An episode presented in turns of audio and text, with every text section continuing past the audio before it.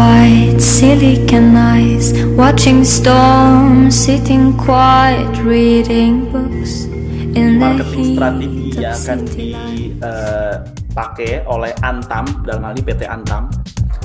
Eh, nanti kita akan nge-breakdown marketing strategi mulai dari segmentasi sampai kepada distribusi itu kayak apa. Oke, Itu rekan-rekan semuanya. Di sini saya cuma kita ingin diskusi mengenai uh, salah satu produk Antam. Karena kita tahu Antam itu adalah perusahaan tambang BUMN yang ada di Indonesia. Antam selain memproduksi nikel, batu bara dan punya smelter, Antam juga mempunyai produk nikel, produk retail yang kita sebut dengan Antam Logam Mulia. Yang paling sering kita dengar atau kita menjadi patokan di pasaran mengenai harga emas. Jadi itu produknya itu bisa berupa emas batangan, eh, bisa berupa seperti emas atau kawat emas untuk industri atau juga dinar. Dinar juga ada, dirham juga Antam Logam Mulia itu juga memproduksi. Untuk brandnya sendiri, Antam Logam Mulia, kita tegaskan lagi Antam Logam Mulia ya, yang hanya memproduksi emas ini, yang mem- menjual emas secara retail ini, Ya. dia itu hanya mengeluarkan satu buah kadar, 99,9 persen. Kenapa? Karena Antam terikat dengan sertifikasi yang dia terima yang hanya satu-satunya ada di Indonesia, yang dari London Bullion LBMA. Oh. Jadi Antam harus menjaga kualitasnya itu tersendiri. Jadi itu Nah. seperti kayak brand image-nya yang harus dipegang oleh Antam. Kalau Kemudian di- emasnya. Kalau dinar itu sendiri itu 99 juga, 99,9 persen itu dinar. Kalau nggak salah kan kalau dinar kan 94-an gitu ya, atau 91 ya. Dinar itu satu dinarnya itu loh. Karena kayaknya kan itu terkonversi kan ke satu dinar itu berapa gitu ya. Nah, apakah logam mul, eh, logam mulia untuk dinar itu itu kemurniannya 99% itu. Maksudnya nanti itu kan kita akan ngomongin oh ini poinnya tadi benang emas ke mana segmentasi pasarnya kan seperti itu. Kita nanti akan berlanjut ke segmentasi itu kan. Kalau dinar ada yang 99,9 persen, ada yang 91,7. Mohon maaf nih, au-aunya apa ya? Aunya au Au, au kayaknya gini perak kalau perak ya.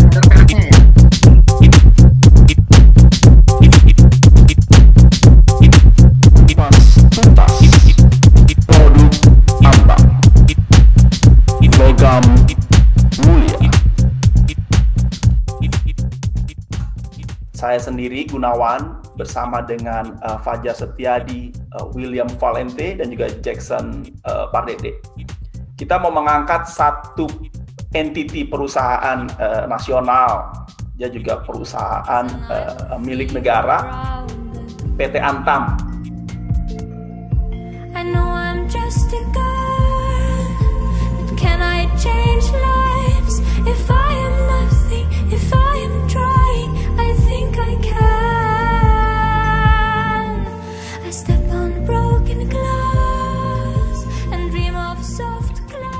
Nah, segmen emas kita akan lebih fokus pada saat ini dan uh, atau logam mulia.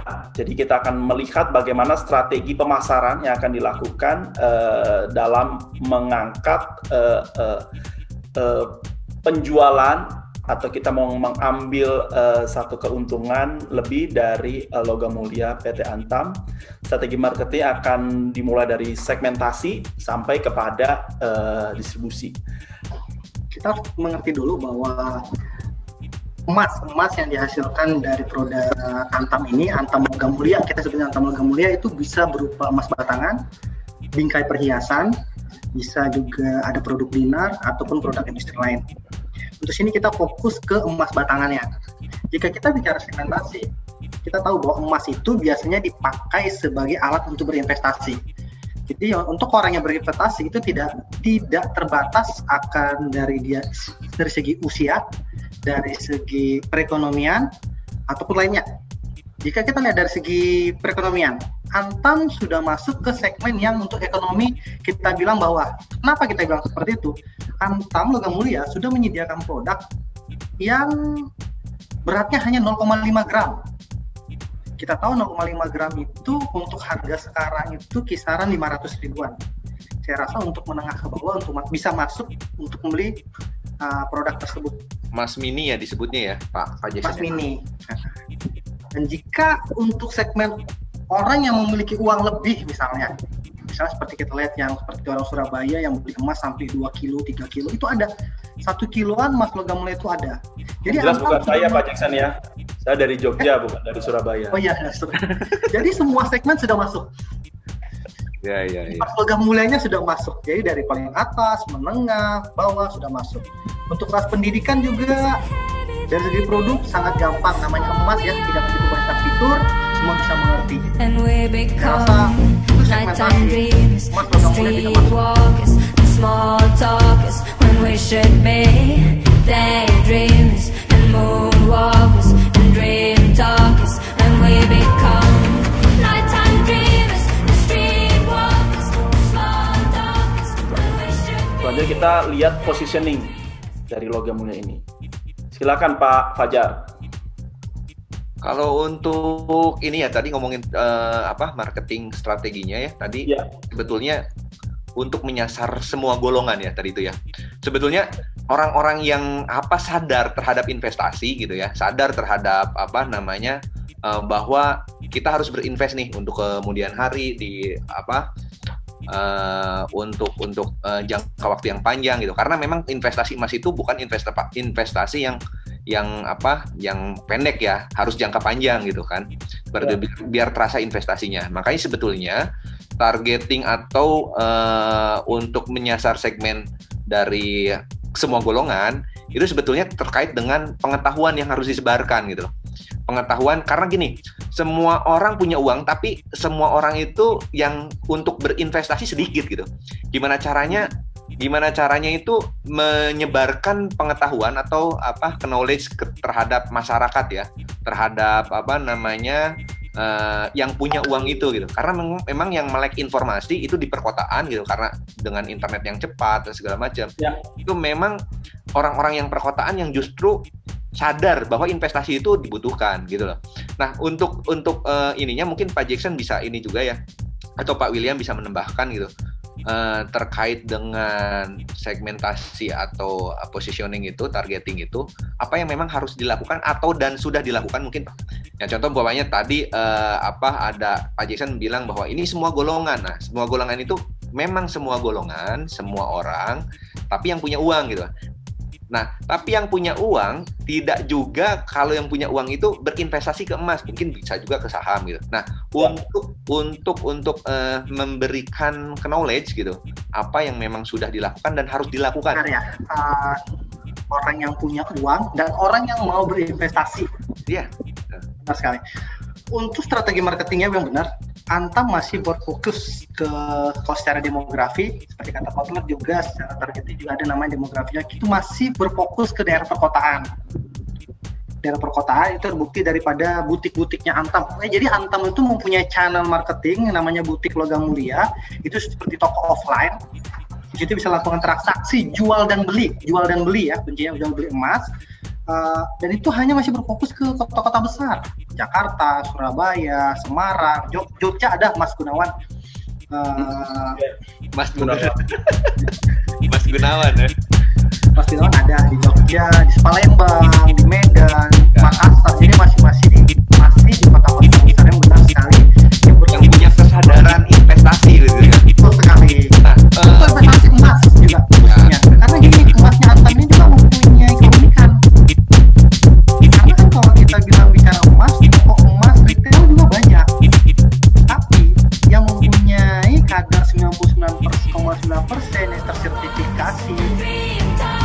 itu cuma Antam. Logam The quiet lust belongs to all of us and drives us closer into the madness of the world of a girl. perusahaan itu mesti mempelajari kompetitorsnya. Nah, kalau menurut Pak Jackson sendiri, kompetitor dari Antam ini lokal ya, siapa aja? Oke, terima kasih Pak. Kalau kita bilang perusahaan atau identitas lain yang memiliki emas yang sama, yang memiliki sertifikasi LBMA tadi ya, yang London Bullion Metal Association, itu tidak ada. Tapi ingat, pasar terkadang tidak menanyakan dari mana emasnya, ada sertifikat atau enggak. Antam, benar tadi, berfokusnya itu ibaratnya persaingannya itu memang sama segmen pasar yang seperti itu. Dan juga dia juga bersaing dengan namanya eh, satu perusahaan yang juga menjualkan emas antam. Itu seperti reseller-reseller yang ibaratnya positioning pasti udah mencapai terus mencapai itu ya Pak Pak Gun ya karena Betul. memang kompetitornya di Antam udah nggak ada. Cuma satu mungkin produknya yang menyerupai Antam itu kayak UBS ya. Pernah dengar juga kan uh, ya. apa namanya? Pernah dengar juga kan logam mulia yang mereknya UBS ya. Nah, itu UBS, juga uh, eh, UBS. Mungkin itu untuk uh, untuk kompetitornya Antam di Indonesia kali ya. Iya, artinya uh, Antam mesti menjaga kualitasnya untuk tetap menjadi yang uh, utama dan pertama uh, di Indonesia. Oke, kita lanjut dari positioning uh, kepada uh, brand equity atau uh, uh, merek dari uh, emas mulia yang dikeluarkan Antam itu sendiri. Favoritnya uh, Pak Jackson. Atau mungkin Pak William bisa tambahin. Uh, mungkin dari desainnya ya, saya lihat kalau emas lain pernah menjual emasnya dengan tema-tema gitu, misalkan uh, tahun Cina, nah emasnya ini dibuat uh, gambar sio gitu. Nah kalau di Antam ini ada nggak gitu menjual desain produknya dengan tema-tema gitu Pak? Pak Ya, sekalian menjawab dari brand equity ya, atau mainnya lah. Memang kalau di Indonesia kalau orang namanya bicara emas pasti emas apa? Pasti langsung emas antam. Hmm. bukan emas Jawa ya? Bukan susah. Mas Jawa itu Mas Gunawan itu udah. Jadi kalau kalau Antam untuk mempertahankannya itu untuk tetap mempertahankan brand image-nya itu atau brand equity-nya Antam itu tidak tinggal diam jadi benar Pak William Antam juga mengeluarkan produk yang sesuai tema atau sesuai musim. Jadi pada saat Imlek dia akan mengeluarkan produk-produk yang yang ada tema-tema Imleknya dan juga uh, sekarang itu juga yang ada itu lagi tren itu batik.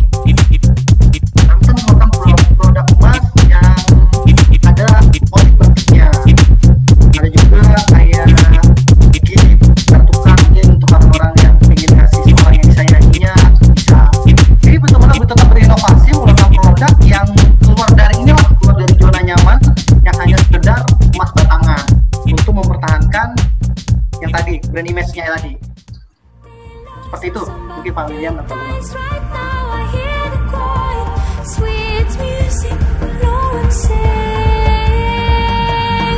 become nighttime dreams, the streetwalkers, the small talkers, when we should be. Nah ini juga ya, Antam juga udah udah punya ini sendiri ya. Tadi kalau ngomongin segmennya gitu ya, untuk menyasar itu dari sisi produk apa eh, pilihan produk udah banyak ya dari mulai 0,5 yang bahkan memang udah dibentuknya juga secara packaging udah bagus banget tuh. Uh, juga Antam juga kan kalau ngomongin uh, sekarang dibungkus dengan apa plastik yang memang sudah bagus ya plastiknya itu udah udah plastik yang keras gitu kan tapi yang yang memang udah uh, kelihatannya juga uh, eye catching gitu kan ngelihat memegang atau raba itu juga udah udah oh ini terus beratnya juga udah kelihatan. Nah selain itu juga kalau emasnya sendiri udah tercetak gitu ya kalau ngomongin tercetak udah berbagai bentuk. Ya maksud maksud sorry bukan berbagai bentuk tapi tampilannya ya. Ada tampilan ya tema budaya kan tematik gitu kan tema budaya terus ada batik ada ada Garuda gitu kan ya. Seperti itu. Udah udah berbagai ini sih uh, dari dari sisi ininya ya uh, produknya ya itu Pak Gunawan uh, udah udah ya. udah mencoba untuk uh, untuk uh, bisa dimiliki oleh siapa pun dari mulai 0,5 sampai 1 kilo, 10 kilo gitu ya. Gitu.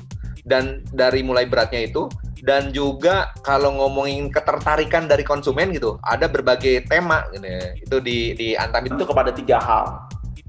Kita membangun satu merek yang kuat, build strong brand. Terus kedua kita bicara bagaimana mendeliver value itu kita bicara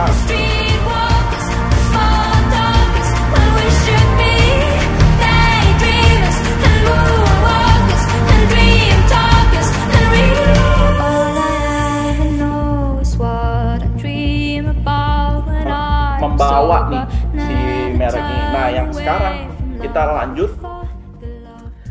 uh, bagaimana mengkomunikasikan uh, value. Nah, sekarang kita masuk ke penentuan harga dari uh, Antam. Uh, secara detail silakan dijabarkan uh, Pak Jackson. Oke, terima kasih Pak. Untuk masalah komunikasi dulu mungkin pertama ya. Uh, Antam dalam memasarkan produknya atau marketing atau mengkomunikasi produknya konsumen itu untuk saat ini sudah mengikuti perkembangan zaman di mana digital marketing uh, itu sudah dimasuki. Mana Antam aktif di Instagram, di YouTube, Facebook, Twitter, khusus yang kayak di YouTube. YouTube tuh mereka membuat create uh, video-video yang seperti ada temanya juga, di mana mereka ada acara namanya mata-mata hmm. atau edukasi produk atau menggunakan ada juga satu video konten yang dia menggunakan jasa seorang artis Jarum Kuat untuk Instagramnya sendiri lebih banyak ke arah program-program yang ada di saat ini. Misal ada pameran atau ada promo apa namanya giveaway itu mereka gunakan. Dan itu semua terintegrasi. Selain itu juga Antam mempunyai toko website, website tokonya yang tersendiri logam antam logamulia.com di mana situ terdeskripsi lebih jelas lagi mengenai produknya.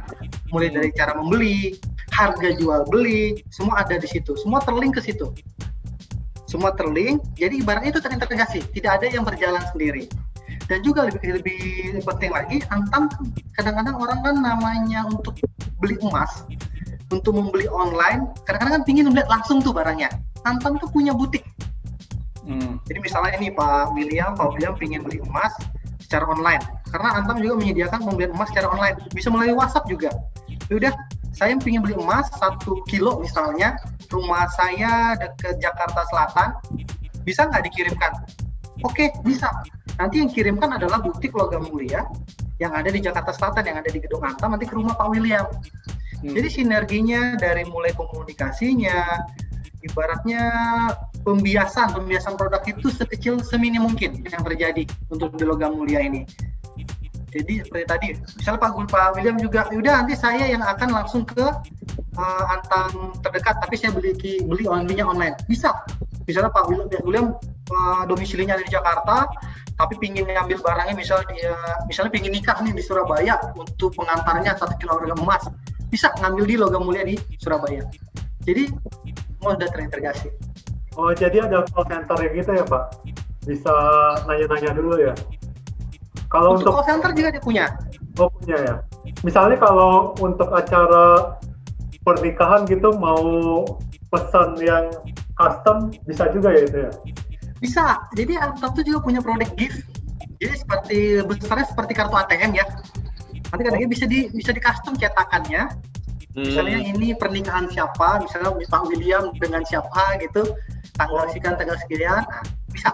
Atau Pak Gunawan dengan yang sekian kalinya bisa. Nah, itu yang untuk menghandle itu eh, di mana yang di eh, apa namanya graynya atau tadi apa yang untuk offline atau gimana Pak Pak Jackson? Untuk pesan untuk itu. yang untuk yang menghandle seperti itu yang custom ya, itu lebih langsung ke ibaratnya namanya antam logam mulianya. Bukan butiknya, butik itu seperti kayak toko ya? ya offline gitu tokonya ya. lah. Nah, jadi kita tuh yang dekat de, untuk tokonya tuh di area Pulau Gadung. Pulau Gadung, benar Pak, dengan Pulau Gadung. Yeah. Itu pusatnya itu logam mulianya. Jadi untuk B2B ibaratnya atau B2C yang agak gede, nilainya bisa langsung ke sana. Ada marketingnya yang langsung menghandle. Gambarannya kayak apa nih kalau menurut William? Uh, multi channel marketing strategi yang yang memang Anda udah kerjain ya lewat sosial media. Ada nggak yang bisa di di boost lagi atau di ini apalagi terkait uh, review produk nih kalau kita lihat ada satu merek nih yang mulai rame di jagat maya hati-hati nge-review produk. Tapi persoalannya kan jadi menarik nih. Perlu nggak sih ada legal agreement antara reviewer sama uh, brand entity itu sendiri? Atau ya sebenarnya ini ya social media platform artinya uh, word of mouth online. Kan dari dulu emang orang udah ngomongin tentang produk um, dan nggak ada salah sih mengenai itu. Tapi kalau kaitan review produk ini di sosial media, perlu nggak sih ada aturan-aturan atau ya udah ini mah uh, alami aja. Gimana Will? Kalau menurut saya untuk uh, produk seperti emas ini sosial media lebih baik digunakan untuk pemasaran aja ya. Kalau untuk review kayaknya nggak mungkin ya. Paling cuma unboxing aja ya. Kalau emas kan nggak bisa sebagai produk investasi bisa dong. Artinya gue nyimpen tapi uh, sesuatu yang bisa bernilai nanti di kemudian hari. Sebetulnya ya itu terkait dengan ini sih. Bukan bukan ke arah memberikan uh, apa uh, review produknya ya tapi lebih ke arah uh, memberikan pengetahuan terkait dengan investasi.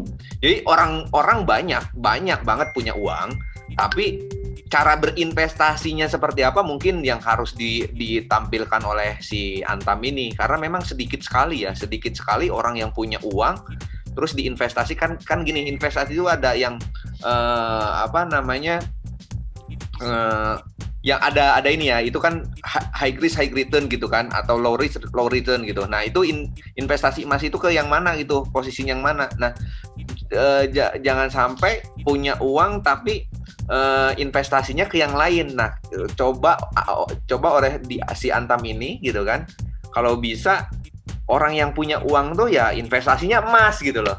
Nah, bukan saham, bukan reksadana, ya ditariknya ke arah sana gitu. Jadi jadi marketingnya ke arah lebih memberikan memberikan uh, knowledge terhadap investasi gitu. Menurut saya sih itu. Kalau ngomongin emasnya sendiri ya emas itu alat investasi gitu, nggak perlu dijelasin lagi gitu kan. Nah sekarang itu gimana caranya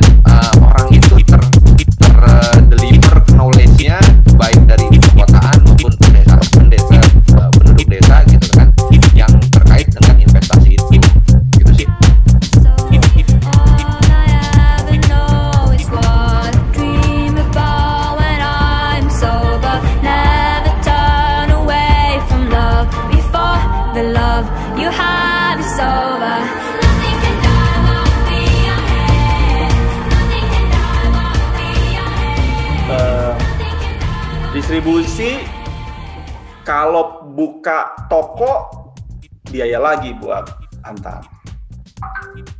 Sekarang mulai banyak kan pegadaian yang menjual antang.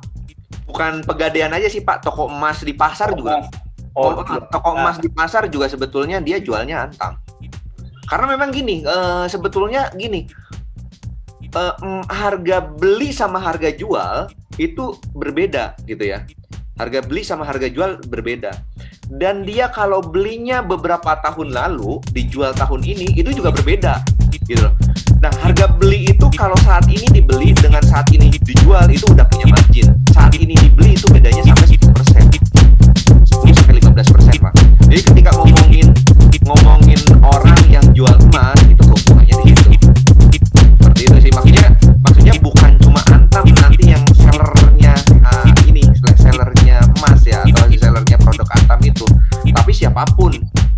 toko kelontong lah gitu seperti itu. Toko emas itu ya resellernya produk Antam. Kalau betul betul betul sekali Pak Fajar. Untuk emas Antam ini untuk butik seperti saya bilang tadi masih berfokus ke kota-kota besar ya.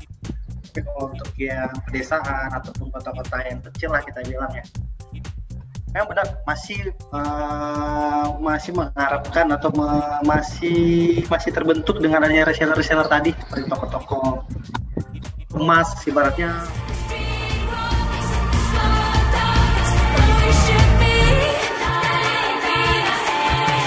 Jumpa lagi. Terima kasih